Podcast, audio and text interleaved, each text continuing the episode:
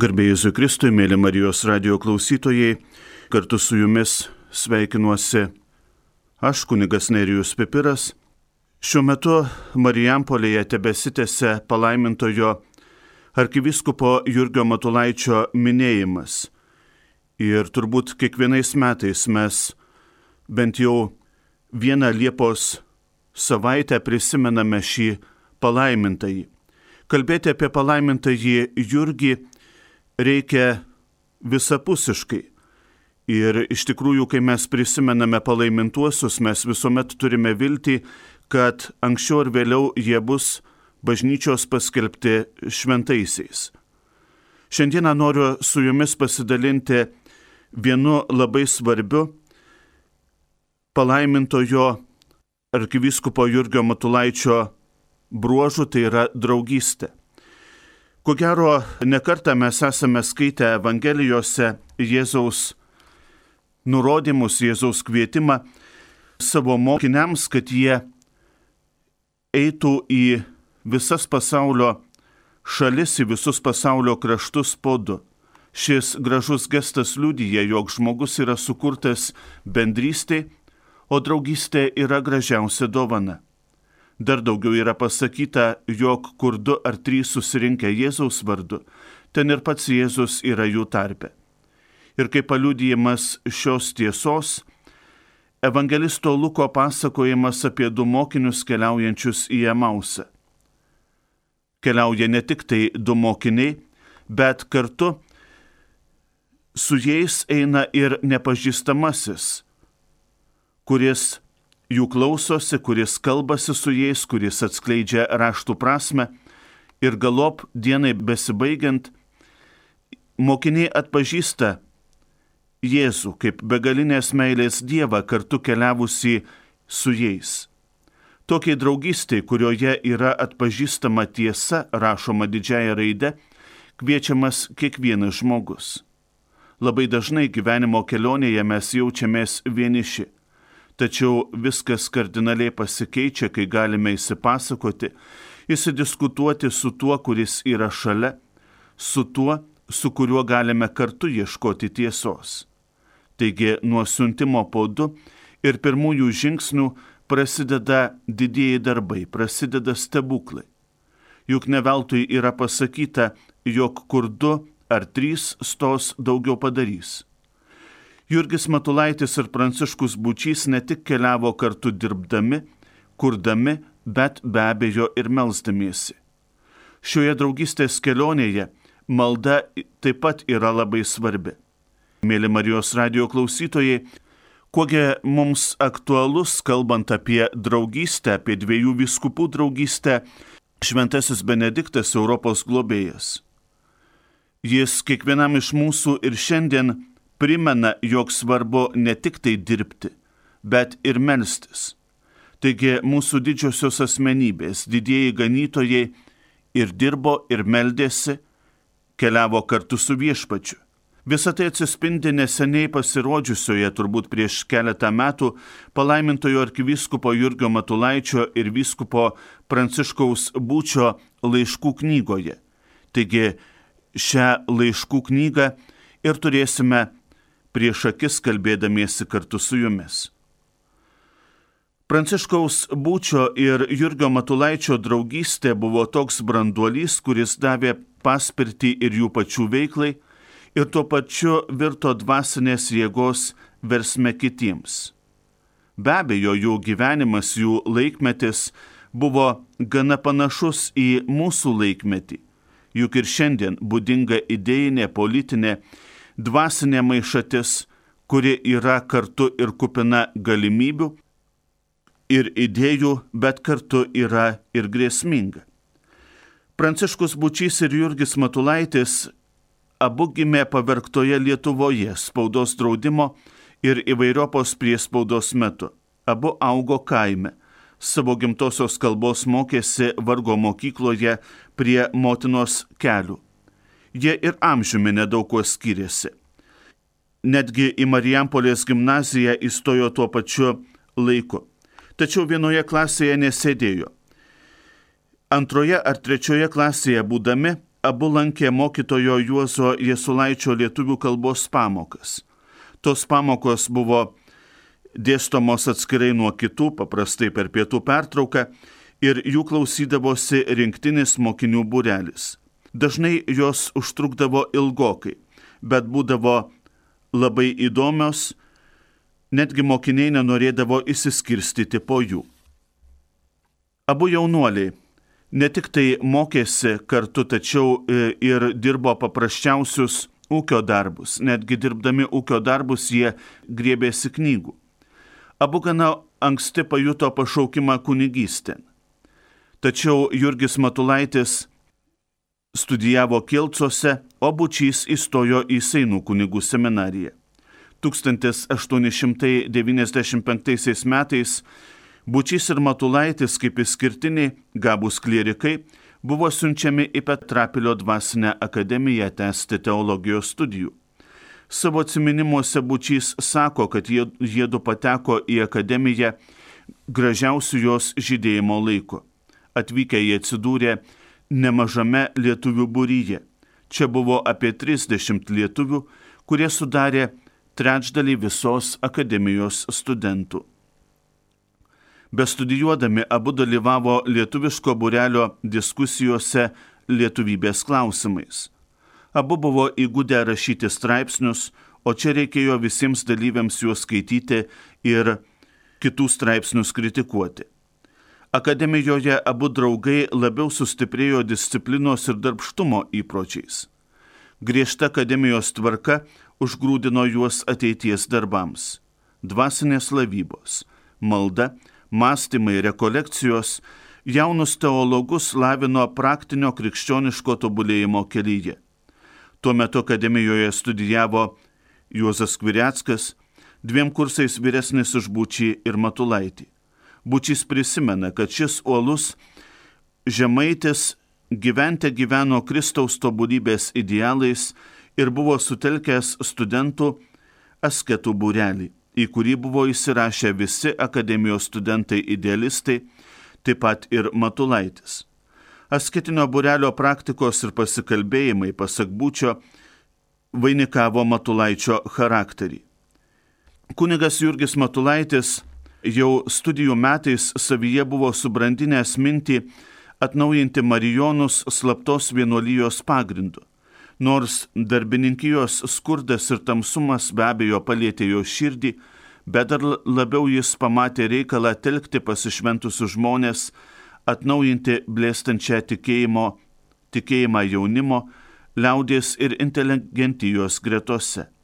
Be abejo, jį sukrėtė ir 1900 Penktaisiais metais Varšuvos visuomenę stipriai paveikusi revoliucinė banga. Kol Matulaitis darbavosi Varšuvoje, Bučys buvo šiek tiek įsitraukęs į politinę veiklą. 1904 metais draugė su kunigu Adomo Dambrausku Jakštu, kunigu Jonu Mačiuliu Maironiu, tuomet visiems trims profesoriaujant Petrapilio akademijoje, jis paruošė Lietuvių krikščionių demokratų susivienimo programą. 1905 m. pabaigoje Bučys dalyvavo didžiajame Seime Vilniuje ir padėjo redaguoti rezoliucijas. Marijonų vienuolijos atnaujinimo klausimu abu draugai tarėsi daug ir ilgai. Bučys prisimena, kad nors jis Matulaičio planui visiškai pritarė, bet turėjo ir abejonių. Matulaičių jis atsakęs maždaug taip. Sumanimas Marijonus atnaujinti yra ne tik tai kilnus, bet ir reikalingas dalykas. Tačiau man yra daug kartų atsitikę, kad kitų sumanytus kilnius dalykus turėjau vykdyti kaip tik aš, nepaisydamas, kaip brangiai man tai atsijais. Matulaitis dėl to nesupyko. Matys žinojo, kad būčiai rūpėjo jo sesers, likusios su mažais vaikais sunki medžiaginė padėtis. Matulaitis jam patarė seseriai atiduoti savo santaupas ir jis pats iš savo kišenės dar pridėjo pinigų našliai sušelbti, tuo nuramindamas draugo rūpestį. Vėliau abu draugai studijavo Friburgė. Friburgė jie pasirinko dėl to, kad čia jiems buvo proga gilintis į apologetiką ir kartu klausyti tos srities žinovo tėvo Alberto Marija Vaiso paskaitas. Bučys su Matulaičiu tuo metu buvo vieninteliai juos studentai. Savo profesorių jie gerbė ir kaip mokslininką, ir kaip vienuolį. Jo gyvenimas ir pavyzdys patraukė bei sužavėjo abu. Bučys jį laikė paskutiniuoju didžiųjų vokiečių krikščionijos apologetų.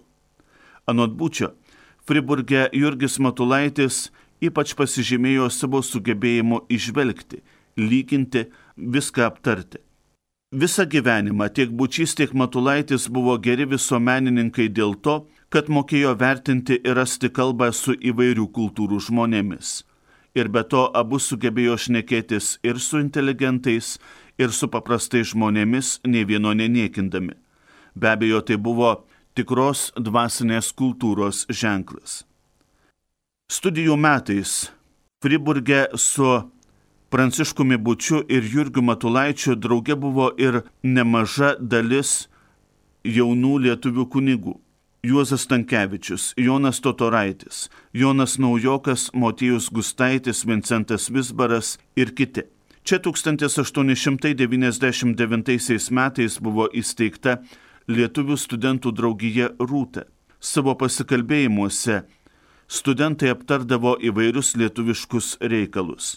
Anot būčio, kunigas Kazimieras Matulaitis, kiek vyresnis už kitus ir jau keletą metų vikaravęs Marijampolės parapijoje, kartais iškeldavo mirštančios Marijonų vienuolijos klausimą.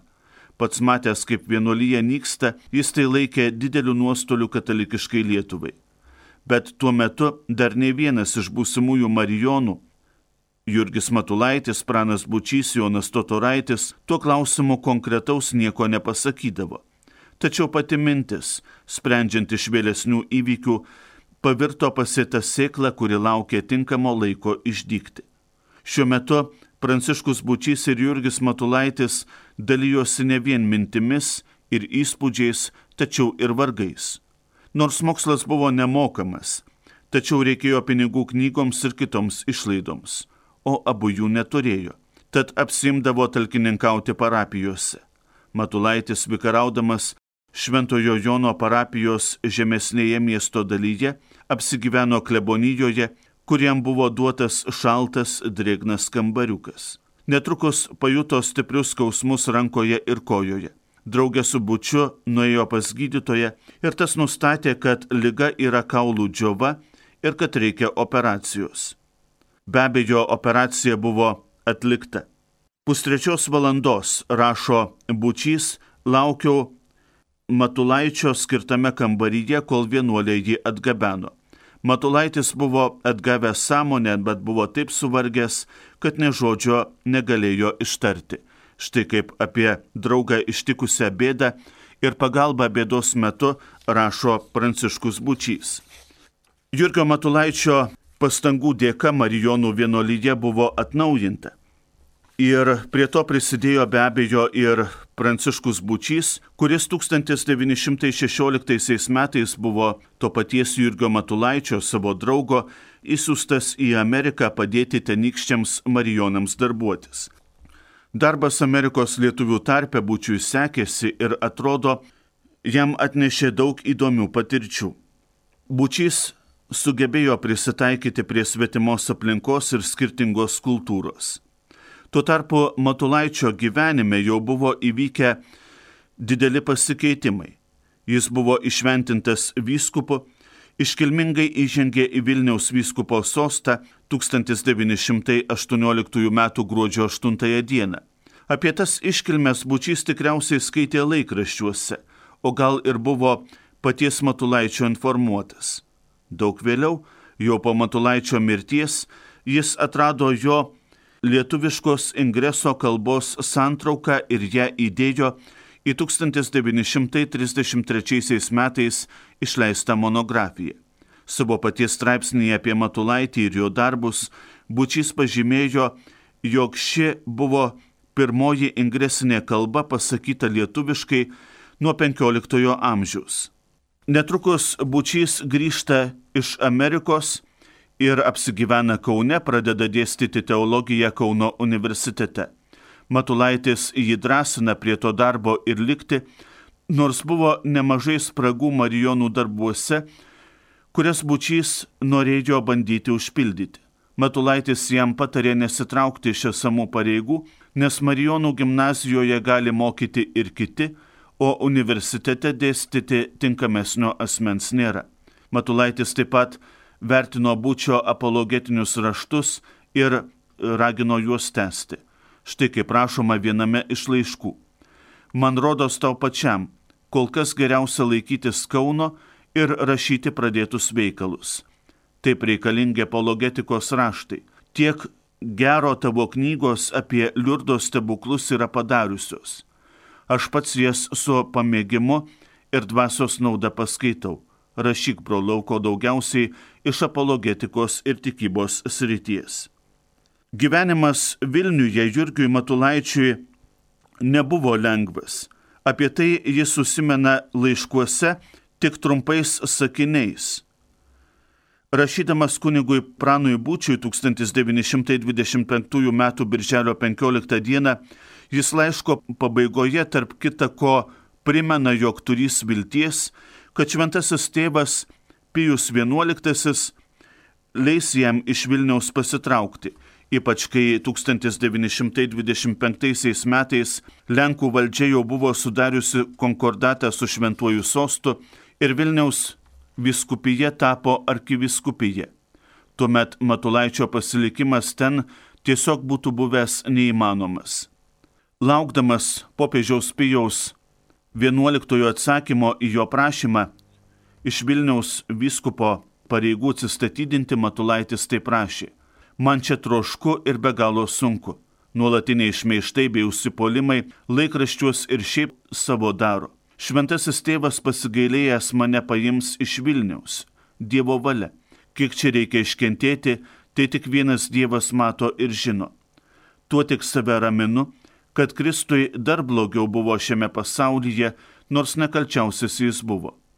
Kas žino, kada Dievas duos mums pasimatyti, labai visų įsilgau, labai norėčiau dar kiek vienuolyjei pasidarbuoti. Ir štai pagaliau Liepos mėnesį Matulaitis sužino, kad šventasis tėvas priima jo atsistatydinimą. Jis greitai ir tyliai pasitraukė iš Vilniaus. Rūpiučio pabaigoje jau būna Romoje. Popiežius Pijus XI Jurgį Matulaitį pakelia arkivyskupu ir paskiria paštališkuoju vizitatoriumi Lietuvai. Apie grįžimą į Lietuvą jis taip prašo kunigui Pranui Būčiui, savo draugui. Mielasis Praniuk, diecezijų sutvarkymo ir padalymo reikalų siunčia mane šventasis tėvas Lietuvon. Gal iš Rymo atvažiuosiu jau devintą šio mėnesio, o vėliausiai dešimtą. Sustosiu pas jūs vienuolinę. Prašau žiūrėti, kad nebūtų jokių nereikalingų manifestacijų ir triukšmo. Bučiuoju iki pasimatymo. Tačiau arkiviskupas Jurgis Matulaitis, grįžtant į Lietuvą, buvo sutiktas su didžiausiomis iškilmėmis. Ką tik tai grįžęs į Lietuvą, jis tuo pat ėmė ruošti projektą Lietuvos bažnytinės provincijos sukūrimui. Tam reikėjo gauti ir Lietuvos vyriausybės pritarimą ir Romos patvirtinimą.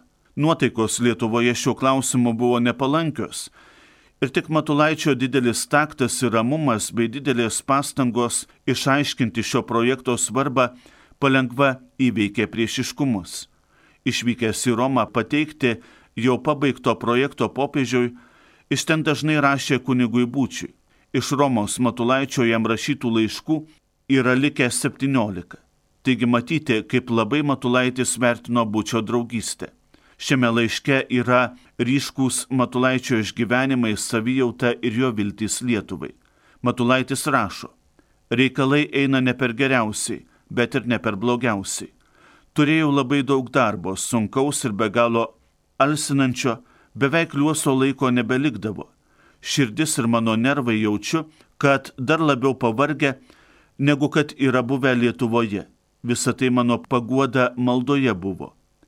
Decezijų padalymo ir provincijos sudarimo dokumentas jau beveik visiškai paruoštas. Tai lieka tik bulę parašyti. Tikiuosi, kad bažnytiniu atžvilgiu tas dokumentas bus galima lengvai apginti. kaip ten bus su juo prieimamu, bet vis tik tai bus dokumentas didelės Lietuvai istorinės reikšmės. Esu įsitikinęs, kad jis daug padarys ir naudos. Jis sustiprins katalikybę ir katalikų bažnyčią Lietuvoje, o taip pat tautą ir valstybę. Po jo ir katalikų pasaulio akise ir tarptautiniuose santykiuose kitaip Lietuva ir Lietuvos bažnyčia išrodys. Gal Dievas duos, kad po jo prasidės naujas tikybinis gyvenimas Lietuvoje. Pagaliau visa kas Dievo rankose. Ne tas yra ko vertas, kas sodina, ne tas, kuris laisto, bet viešpats Dievas, kuris viskam duoda derlių melskitės, kad viskas išeitų didesniai Dievo garbiai. Rengdamas bažnytinės provincijos projektą be abejo, Jurgis Matulaitis negailėjo savo sveikatos. 1927 m. pradžioje susirga ir tų pačių metų sausio 26 d. ketvirtadienį Kauno Hagentomo klinikoje jį jau lanko jo draugas Pranas Bučys ir prie mirties esančiam Matulaičiui atneša švenčiausiai sakramentą. Jo prašomas duoda paskutiniuosius sakramentus. Vyskupas Bučys 1951 m. balandžio 15 d. nujausdamas ir savo paties artėjančią mirtį, rašo paskutinį savo draugo gyvenimo ir darbo įvertinimą. Bučys taip rašo. 20-ojo amžiaus tikybinėme Lietuvos gyvenime ne tiek raštai, kiek veiklos nepaprastu naudingumu iškilo arkivyskupas Jurgis Matulevičius. Kažin, ar jam neteks 20-ąjame amžiuje garbingiausioji vieta, kaip teko valančiui praeitame šimtmetyje. Taigi taip, pranas Bučys tarsi rezumuoja visą savo ir Jurgio Matulaičio draugystę. Taigi, brangus Marijos radio klausytojai, kai mes mastome apie Prano Būčio ir Jurgio Matulaičio draugystę, ko gero reikėtų prisiminti tą patį sakinį, kurį netaip seniai citavau, kuris yra užrašytas Jurgio Matulaičio laiške. Ne tas yra ko vertas, kas sodina, ne tas, kuris laisto, bet viešpats Dievas, kuris viskam duoda derlių. Melskitės, kad viskas išeitų didesniai Dievo garbiai.